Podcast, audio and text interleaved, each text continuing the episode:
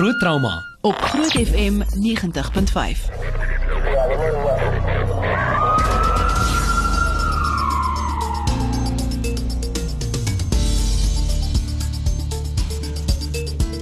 Maar welkom by Groot Trauma. Dis Woensdag aan klein Saterdag en saam met my natuurlik Dr. Jaco van die kerk soos gewoonlik, my mede-aanbieder en hy's uh, ook uh, direkteur van die trauma eenheid by Met24 en ook sy eie praktyk.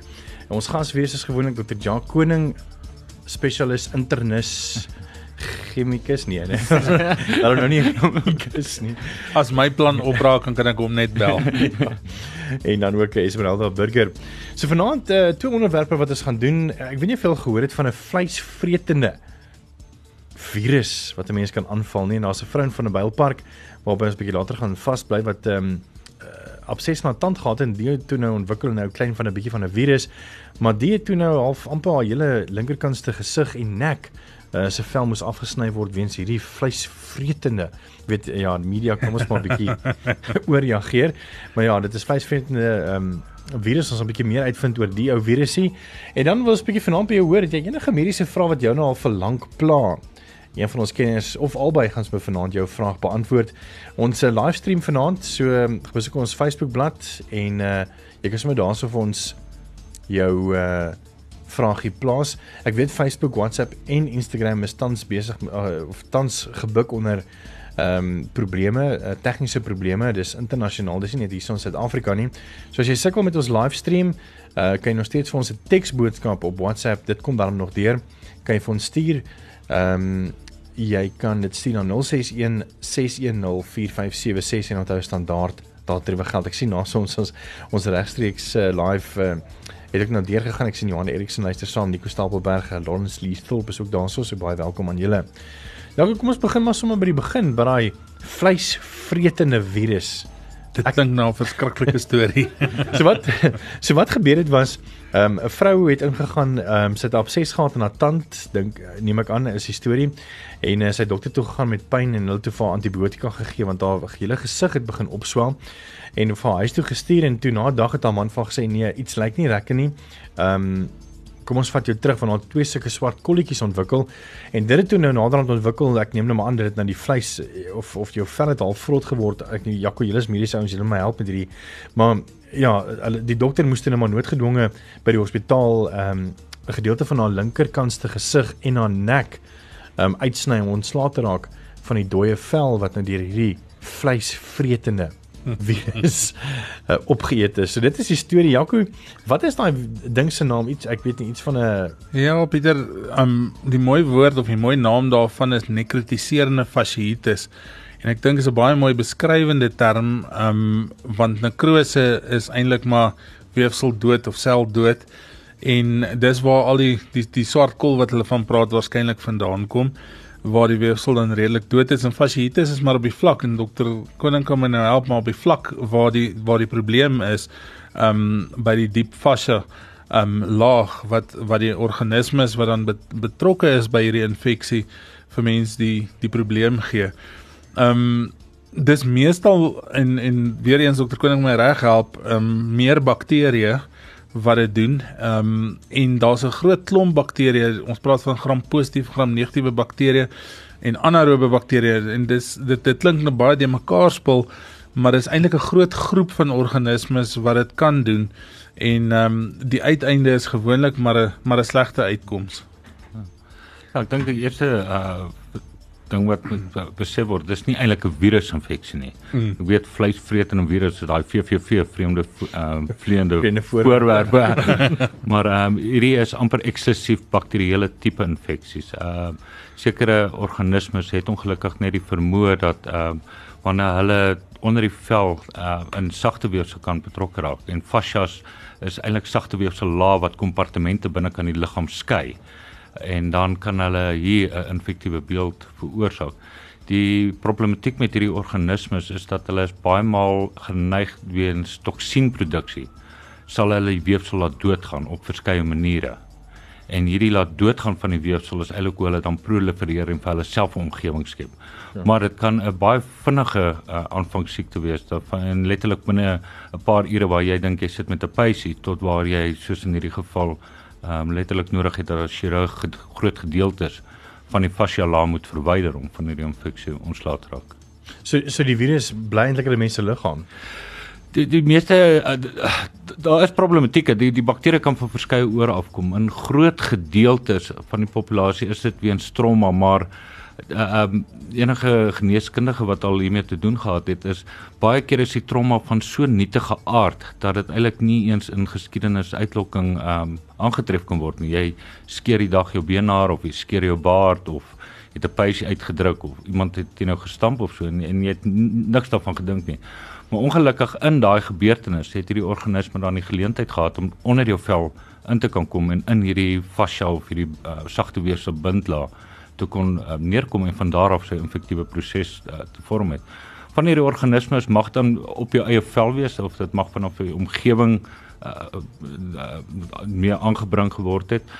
Ehm um, dit is soms deur bloedvergiftiging wat dit wat dit gebring word. Maar ek wil amper sê dat uh, sou ons so 'n pasiënt behandel, sal jy hierdie organisme op ander gedeeltes van haar vel ook gewoonlik aantoon soos in die neus of so, ehm um, dat dit dieselfde organisme is. Sou sy uh, ek weet sy het ingegaan met 'n infeksie in haar tand wat dan al tandvleis en sulke goede uh hoe hoe dink jy sou die bakterie dan half in die onder in die vel gekom het by haar nek en dan of of by haar linkerkant se gesig en ons so ja. afgewerk het? Pieter, weer eens, uh, fascia is is is is, is sagte weefsel uh, laag wat wat verskillende kompartemente in die liggaam dan skei. En in hierdie geval het sy waarskynlik 'n tandvleisontsteking of 'n tandvleisinfeksie gehad wat eintlik 'n baie algemene uh scenario is. Hmm. Maar 'n mens moet onthou dat die menslike mond net soos baie dierlike monde is is gemeng met legio van organismes.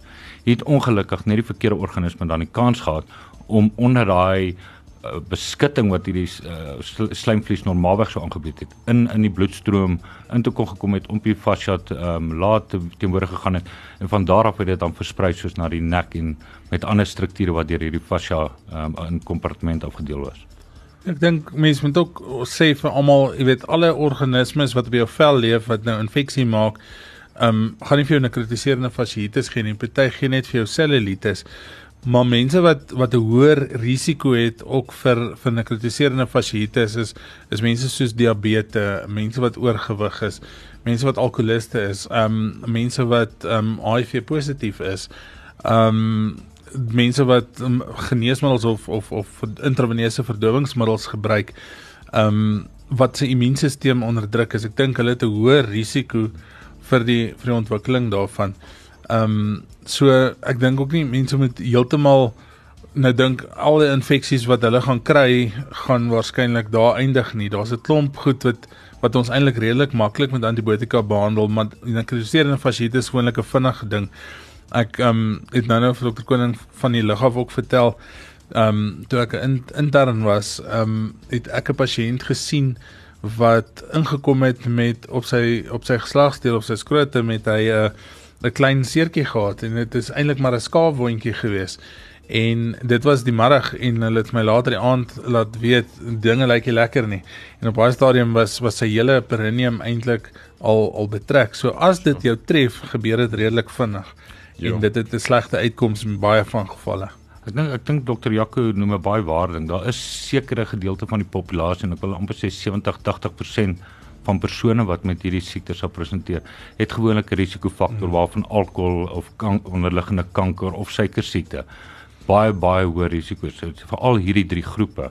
Maar ehm um, daar's ander goedere ook mm. persone wat immuunonderdrukkende terapie gehad het, ehm um, nieroorplantings gehad het en dis meer.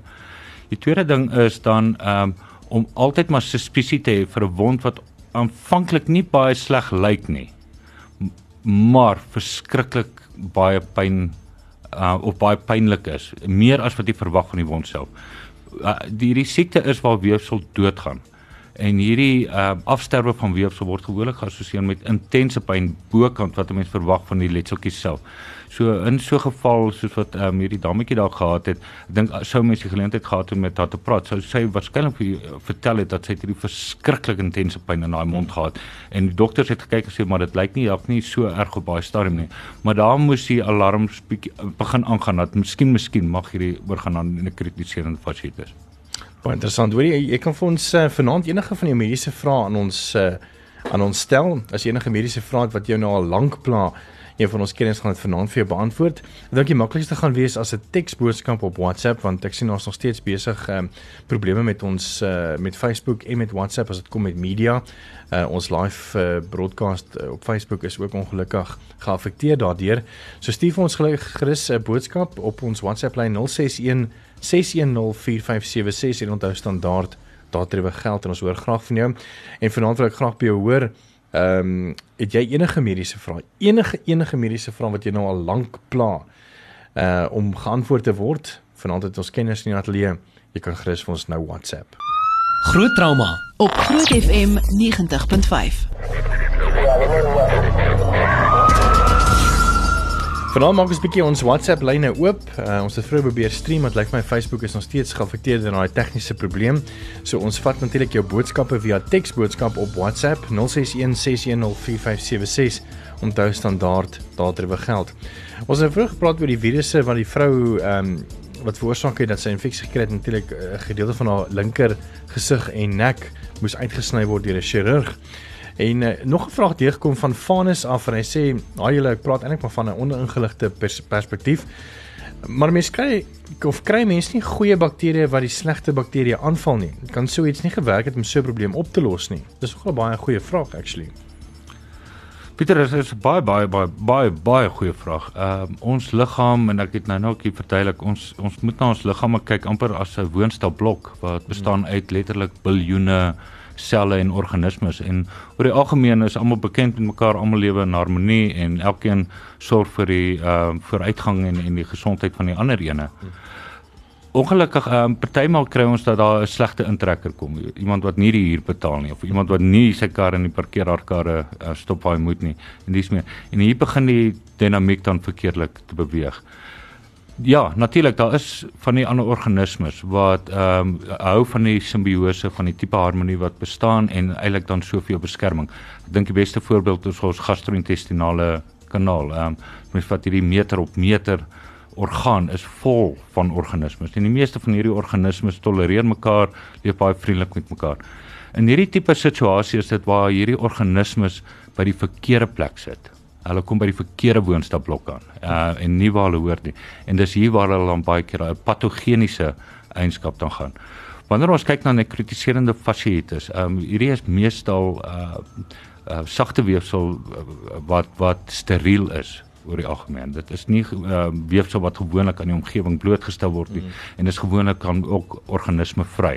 So wat dan hier gebeur is dat hierdie organisme skep vir homself 'n milieu waarin hy kan prolifereer en dis waar die siekte dan vandaan kom. So om te antwoord, uh, nee, dit help nie ons gooi ander organismes daarin nie. Want ons mag dan baie keer simbiose tussen die twee organismes en eintlik die infeksies soveel meer mm. ehm um, versleg uh interessant dan ook genoeg uh meeste male as sou mens kyk na nekrotiserende fasciitis kon dit eintlik voorkom geword het deur baie goeie higiëne toe ge, uh, toe te gepas het en uh mens moet ook net dit ook onthou in hierdie vraag dat nee dit sal nie help om 'n ander organisme te bring jy gaan eintlik dalk meer probleme skep. Hmm. So Stefan ons jou vra ons uh, maak bietjie ons lyne oop as jy enige mediese vrae het wat jy nou al lank pla wat jy graag wil gevra het aan 'n dokter, is jy meer as welkom om vir ons te WhatsApp as 'n teksboodskap, nie as stemnota nie, want ek sien ons nog steeds tegniese probleme met WhatsApp. Uh, jy kan stuur na 061 610 4576 en onthou standaard daardie geld en ons is net hier na weer terug. Groot trauma op Groot FM 90.5. So jy kan ons 'n bietjie vir die dokters lekker moeilike vrae, mediese vrae te vra wat jy nou al lankal wou gevra het wat vir jou nou al lankal pla. Jy kan vir ons 'n WhatsApp stuur, onthou 'n teksboodskap, nie 'n uh, stemnota nie. Daar's nog steeds probleme, tegniese probleme met met uh, Instagram, Facebook en WhatsApp internasionaal. Stuur sommer vir ons 'n teksboodskap na 061 610 4576 en onthou standaard daardie geld. So ons begin sommer met 'n vraag wat 'n luisteraar gevra het oor ehm um, vanaand hierso sien Ja, okay, jy jy's welkom om die boodskap vir ons te lees as jy wil. Ja, ehm um, Pieter, hulle sê ehm um, Sanet sê Goeienaand, ek het verlede jaar 'n ligte beroerte gekry. Um en ek moet elke dag halwe disprin of harde disprin neem. En as ek my raak sny, bloei ek baie en dit stop nie gou nie. En sien ek het my gebrand met olie nou al 'n week terug en dit word nie gesond nie. Ek hou dit oop en smeer brandsalf aan. Dankie Sanet. Ek Ek ek wat ek kan aflei, ek dink Sanet het twee bekommernisse. Uh die eerste is oor die effek van aspirien en en wondgenesing. Um en uh, kan nou eintlik gerustel dat ja, ehm um, die feit dat sy meer bloeding vanaf 'n wond sien op makliker knesing sien, dis die werking van disprin, dis of van aspirien. Ehm um, dis waarvoor sy dit dan gebruik. So ek sal nie te veel kommer daarin sit nie. Ehm um, dis in die meeste gevalle is dit gewoonlik net kosmeties van aard. Tweede ek dink al tweede kommer is, is rondom hierdie brandwond wat nie gesond word nie. Ehm. In in in lyn met vandag vanaand se gesprek, uh, onwaarskynlik is hierdie nekrotiserende fasietes. Nekrotiserende fasietes gewoonlik 'n baie vinnige aanvangssiekte met baie vinnige verslegting. Ek dink hierdie is net 'n brandwond wat ek dink sy dalk net onderskat het van diepte of of van ekstensie van besering. En ek sal aanraai dat as sy baie kommer het om dalk net iemand te hmm. kry, iemand kundig om na die wond te kyk. Andersins moet sy ook maar versigtig wees wat sy aan hierdie brandwond smeer. Dit mag wees dat ehm um, sekere middels is inhiberend op op op weefsel herstel en as dit nie andersins geïnfekteer lyk like, jy miskien net liewer oop te los vir vir 'n paar dae om om om natuurlik gesond te word. Ja, ehm um, dan 'n volgende vraag van Natasha af wat sê goeienaand, ek het 'n vraag asseblief. Ek is 'n PD dialyse ek neem aan peritoneale dialyse pasiënt wat dan tuis dialyse doen elke nag soos hy nierversaking. Ehm um, ek wil graag weet watter invloed het hoë fosfate en lae proteïene op die lange duur op my liggaam. Sy sukkel geweldig met dan hierdie hoë fosfate en lae proteïene hierdie is 'n baie baie lank gesprek in in die sin van uh versteurings wat ons assosieer met kroniese nierversaking. Lae proteïen tellings baie algemeen dan by by nierversaking en vir weens verskeie redes. Die ehm um, lae proteïen telling natuurlik kan na predisponeer uh, ten opsigte van sekere siektes mag haar immuun gebrekkig maak want die immuunglobuline is ook proteïene mag haar stolsel aktiwiteit uh, uh, affekteer en dis meer. Die volgende een is dan rondom die van die hoë fosfate. Hierdie is weens die niere nie meer in staat is om kalsium en fosfaat en verskeie van die ander ehm um, elektron pompe aan uh, uh, effektief te kan gebruik nie en hierdie pasiënte is dan gewoonlik geneig om meer fosfaat terug te hou in ruil vir kalsium. In in die lange duur beide hierdie toestande is kronies van aard en dra grootliks by tot die uh, vinniger veroudering wil ek amper dit noem wat ons by kroniese siek pasiënte en kroniese nierversakingspasiënte vind. Dit is egter nie mikpunte in medisyne as sulks om te probeer korrigeer nie. Inteendeel, die meeste nierversakingspasiënte poog ons nie ekstra proteïene by te gee in dies meer nie want ons weet dit het ook 'n verslegtingseffek. En dan soos met die fosfate, ons is dan baie keer geneig om eerder die kalsium kant aan te spreek waarop die fosfaat dan gewoonlik sal reageer, maar dit is nooit heeltemal doelwit om 100% te korrigeer nie. Kristel het 'n boodskap gestuur en ek is nie 100% seker wat Kristel wat jy bedoel nie. So asseblief stuur net weer vir ons 'n WhatsApp maar sy sê goeie, dan kan iemand wat wat kroniese uh, medikasie byvoorbeeld antidepressante en so iets gebruik dit kry en ystertekort. Ek dink as jy miskien net vir ons kan sê wat kan kry. Uh, ek weet nie Jaco kan jy Ja, aflei? Pieter, as as hy praat ook van die kritiserende fasciitis Ehm um, dink ek ja, mense met kroniese medikasie kan kan, kan ook nekrotiserende fasciitis kry as ook 'n ystertekort. Ehm um, ons nou gesê een van die van die risikofaktore van ehm um, die ontwikkeling van nekrotiserende fasciitis is eintlik maar baie van die kroniese siektes en enigiets wat jou immuniteit onder druk sit ehm um, wat vir dan verhoogde risiko gee en as jy op kroniese medikasie is vir 'n klomp van die siektes wat jou immuniteit aantas, gaan dit definitief vir jou ook 'n verhoogde risiko gee om dit te kry. O, dis 'n lekker vraag sommer vir julle al twee. Nikki vra, hoeveel dokters oor pasiënte wat hulle simptome of behandeling Google het dan self diagnoseer of hulle dogter se diagnose bevraagteken? Lekker. Kom ons begin sommer by hoe voel julle oor pasiënte wat self diagnose doen met simptome as hulle dit sommer self Google? Pieter, ek dink is vir enige persoon belangrik om hulle self te bemagtig met kennis. Ehm um, so ek sal dit nooit afkeer nie, ek sal nooit teen dit wees nie. Inteendeel, ek sal dit altyd aanmoedig. Ek dink ehm um, dit is dat ek, ek sê baie keer maar vir pasiënte onthou dat my advies is partymal net so dom soos die die pasiënt self of net so intelligent soos die pasiënt self. En wat ek hiermee bedoel is dat dis partykeer makliker om 'n uh, 'n uh, uh, vir 'n meer ingeligte pasiënt ook meer kompleksiteit in hulle terapie te probeer verduidelik en antisipasie in hulle terapie te verduidelik. Waar dit baie keer 'n pasiënt wat nie en ons baie het al hiermee te doen gehad, pasiënt wat nie regtig inligting wil bekom oor hul siekte toestand of daarvan hou om maar naïef oor hul siekte toestand. Dis baie keer moeiliker want die onus word amper net op die dokter gesit om hierdie persoon te behandel en die persoon kan neem nie altyd self verantwoordelikheid nie.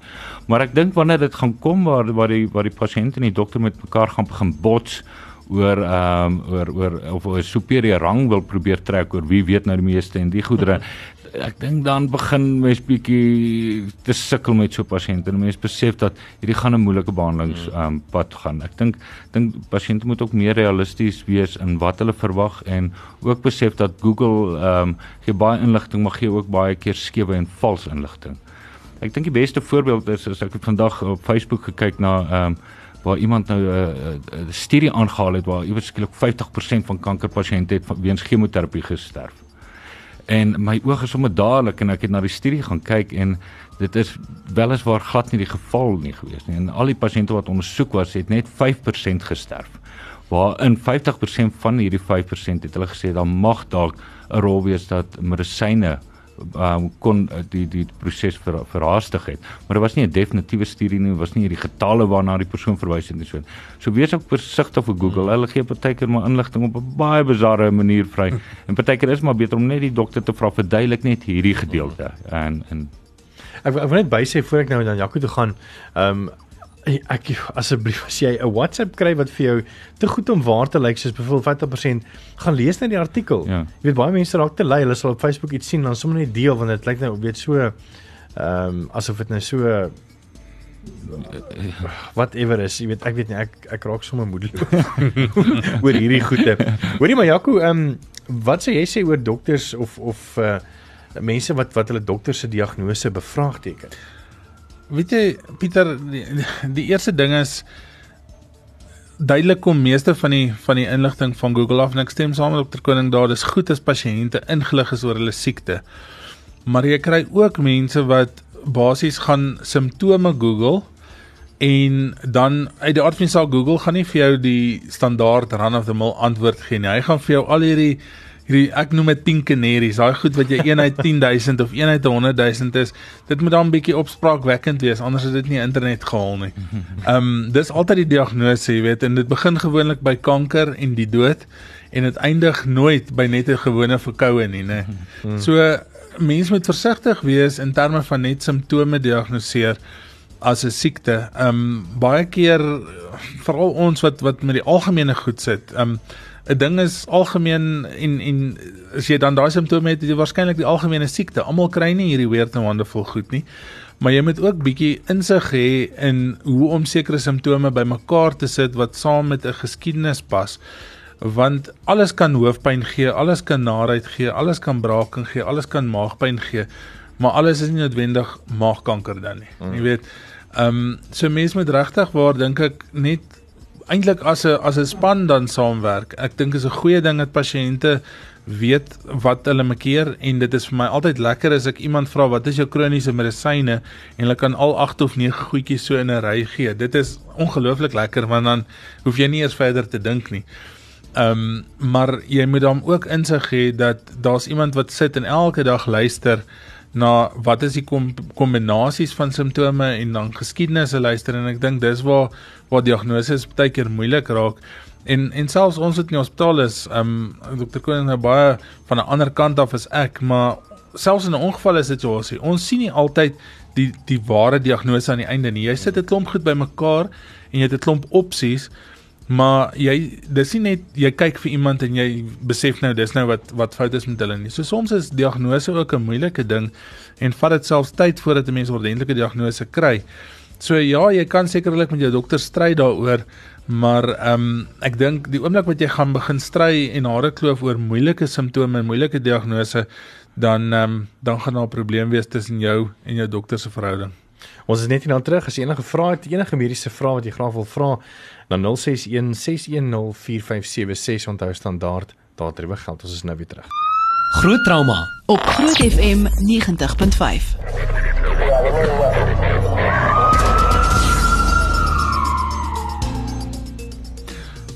Ehm um, 'n volgende vraag vir dokter Koning is ehm um, hallo julle. Ek wil asseblief raad vra. My moeder is 80, maar sukkel nou al van uh, 2000 af met arteriële en veneuse ulkusse as gevolg van swak bloedsomloop. Sy is baie allergies vir allerlei medikasies, dit is moeilik om om haar te behandel. Wil hoor of ons raad het en um, om die pyn te verlig ten minste. Dankie en dan van dis van Annelie bietjie meer van 'n ingewikkelde problematiek hierdie is dat ehm um, weens bloedvoorsiening asook bloed um, wegvoering sekere areas ehm um, rondom die vel en sagte weefsel dan blootgestel word aan die toksisiteit van hierdie uh, bloedversteuring en dan mag sy uh, weefsel verlies dan kry wat elke so vorm baie moeilik om te behandel. Daar is nie daar's nie 'n maklike antwoord op dit nie. Eerstens is hierdie weefsel is geroof van gesonde bloedvloei en bloedvoorsiening. So dis nie 'n wond wat baie maklik gesond word nie. Dis 'n wonde wat dan baie maklik sekondêr geïnfekteerd mag raak en dan ook 'n addisionele las op 'n reeds siek persoon mag sit. Die oor die algemeen is topikale wondversorging bedoelende dat dit is 'n um, wond uh, verbande en wond um, skoonmaak is die hoof uh, gedeelte van terapie hierso risikofaktore moet aangespreek word. Ehm um, sou daar byvoorbeeld sigaretrook betrokke wees of suiker siekte of hoë bloeddruk of so, ehm um, is dit belangrik dat hierdie risikofaktore goed aangespreek word. Ons gebruik baie maal uh, middels soos aspirien of ander tipe bloedverdunningsmiddels uh, om te keer dat daar nie verder bloedklonte en en beserings gaan nie. As dit moet dan antibiotikum, soms is chirurgie nodig om die wond uh weg te sny en dalk 'n skoner oppervlakte kry wat makliker kan genees. Maar ehm um, hier is ongelukkig nie een maklike antwoord nie. Dit dit is altyd 'n nederige toestand vir wie ook al daarmee te doen het. Dan het nog iemand die gevra, ek weet gefvanaand hierdie boodskap lees ek. Weet dit is ehm um, ja, een van ons ek wil net sê half kollegas en mense ook maar weet op die pad saam met die mense werk, jy weet wat ehm um, uh sy paramedikuste. Dis van Nico af. Hy sê naam Pieter, my seun van 6 jaar luister saam radio en Lourens sê die radio werk op sy senuwees. Ag nee man, radio. Ag hoe Lourens. Hy sê nee, Lourens wil graag 'n brandweerman word en almal gesond maak soos oom Jaco en soos jou pa, nee, soos Nico. Baie baie dankie vir 'n lekker boodskap. Dan sê Rona hier's 'n goeie naam. Is dit normaal as ek my diep gesny het, maar die bloed stol vinnig en is dit normaal as die wond eers 'n ruk later begin bloei? Dit vat gewoonlik 'n minuut om eers te begin bloei. Dis baie interessant. Ja, bloedstolling is 'n bietjie meer van 'n ingewikkelde probleem. Ehm um, ek dink in hierdie geval dis nie normaal of abnormaal nie. Ehm um, dit dit verskil van persoon tot persoon. Die eerste reaksie gewoonlik en dit hang af van die tipe wond en hoe die wond verkryg ehm um, was is dat ons gebruik bloedplaatjies en ek ek beskryf altyd bloedplaatjies amper soos hierdie snotterige speelgoed wat die kinders baie altyd gehad het wat hulle so teen die venster gehad het wat daar vasklou. En wat ons dan kry in die bloedstroom sit hierdie bloedplaatjies en hulle word uitgegooi na waar daar 'n oop wond is of 'n besering is en hulle gaan plak letterlik soos wat hierdie speelgoed aan die vensters so plak plak hulle aan mekaar en hulle maak dan die wond so toe. Hierdie is 'n primêre beskerming en dit gun dan die liggaam die geleentheid om stolsels te skep wat dan 'n meer ehm um, uh sekere en 'n en 'n baie beter tegniek is om hierdie wond toe te maak. Ek dink wat um, hierdie persoon dan raak sien is dat hierdie bloedplaatjies op 'n stadium nie meer so effektief die wond toemaak nie en die bloed ehm um, of die stollingsfaktore nou nog nie almal by uh, by die rand ingekom het nie en daarom begin daar weer so 'n bietjie sypling van bloed plaas te vind. Ek dink dan 'n uh, baie 'n belangrike vraag verder is um, van Hente af. Sy sê sy weet uit ondervinding dat koning is uitstekend met die diagnostisering en behandeling van nekrotiserende fasciitis. Ehm um, maar wat is die beste antibiotika spesifiek om toe te dien sodra nekrotiserende fasciitis vermoed word? Ehm um, want op daai stadium is die laboratorium en mikrobiologie resultate nog uitstaande. Ehm um, haar ondervinding is dat verskillende behandeling tussen verskillende geneesere met verskillende resultate ehm um, eindig. So klink asof sy ook 'n dokter is. ja, dit is eintlik Suster Henta, sy is uh, toevallig betrokke met met wondgenesing en wond ehm um, wondhantering by Montana Hospitaal. Uh, hierdie is 'n bietjie meer van 'n akademiese vraag dink ek. Uh, die, ek ek ek dink die maklikste antwoord is die antibiotika wat op baie stadium gewerk is die beste een om te gebruik.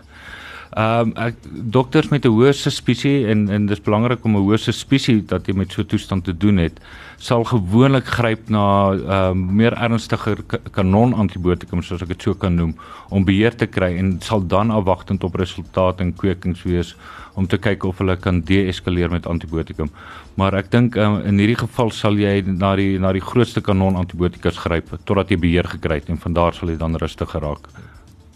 Ek dink 'n interessante ding wat ek nog geleer het by groot trauma by by jou Jaco was Uh, iets wat ek nie geweet het nie, nee, wat wat jy sê as jy as die dokter vir antibiotika gee dan gebruik jy vir hom klaar. Jy maak vir hom klaar. Dit is nogal baie interessant. ja. Uh, iemand sê hierso, as ek plan weer, um, my dokter het gesê 'n paar jaar terug my kol of my dokter het my kolon raak gesny, dun en dik kolon.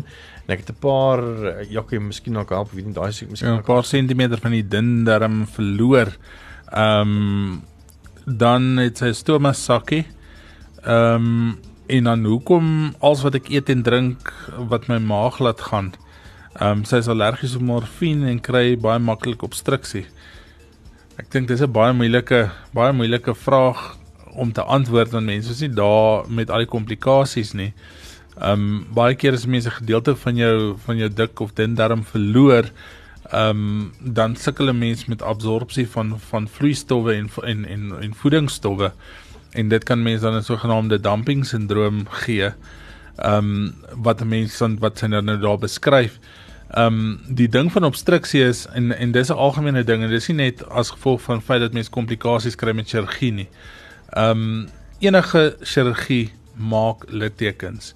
As mens buikoperasies kry, herstel jy met litteken net soos wat jy litteken op die vel het en een van die algemeenste oorsake vir darmobstruksie is bande of littekens wat maak dat 'n mens se darm kan obstrukteer.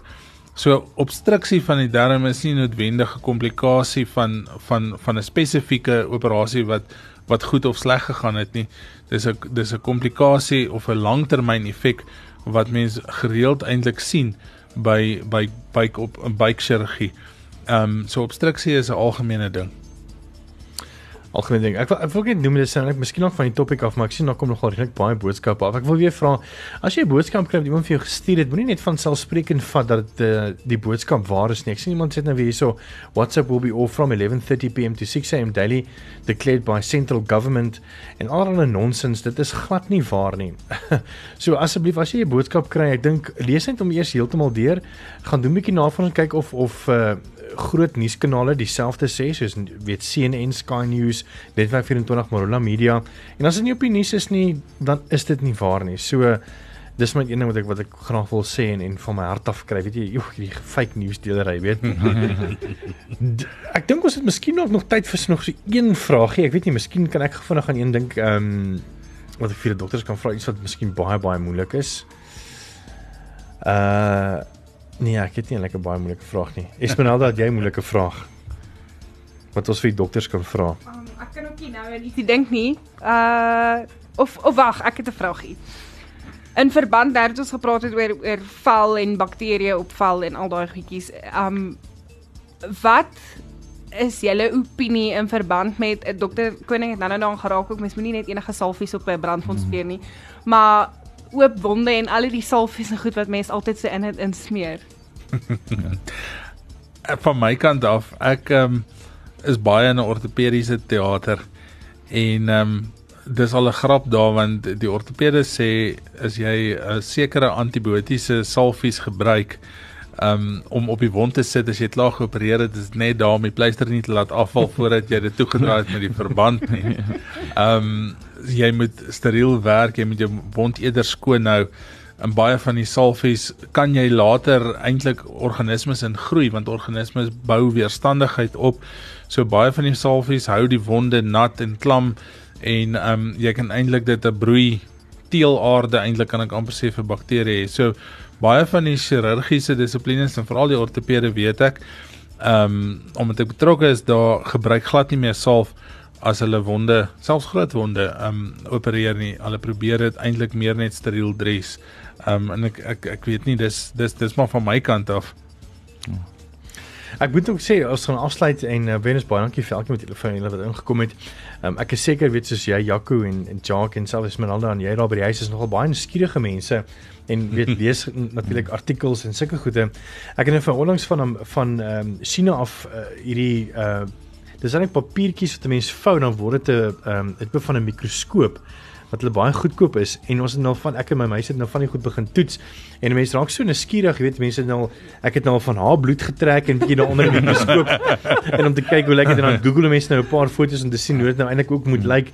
En ek dink as as as 'n mens maar net weet 'n mens met 'n mens se nuuskierigheid net altyd bietjie opvlam, jy weet ek dink die lewe is te kort Uh weet lees meer oor goed, lees, weet vind uit, maar ek dink moet ook nie selfdiagnoses maak nie. Ek dink dokters is nog steeds belangrik. Uh gaan sien jou dokter. Hmm. Uh, mense sien nou met hierdie van 'n byl vrou, weet sy het gegaan met met met 'n tand uh, infeksie en daar het sy amper halfte van haar vel verloor op die linkerkant van haar gesig en haar gesig weet so iets.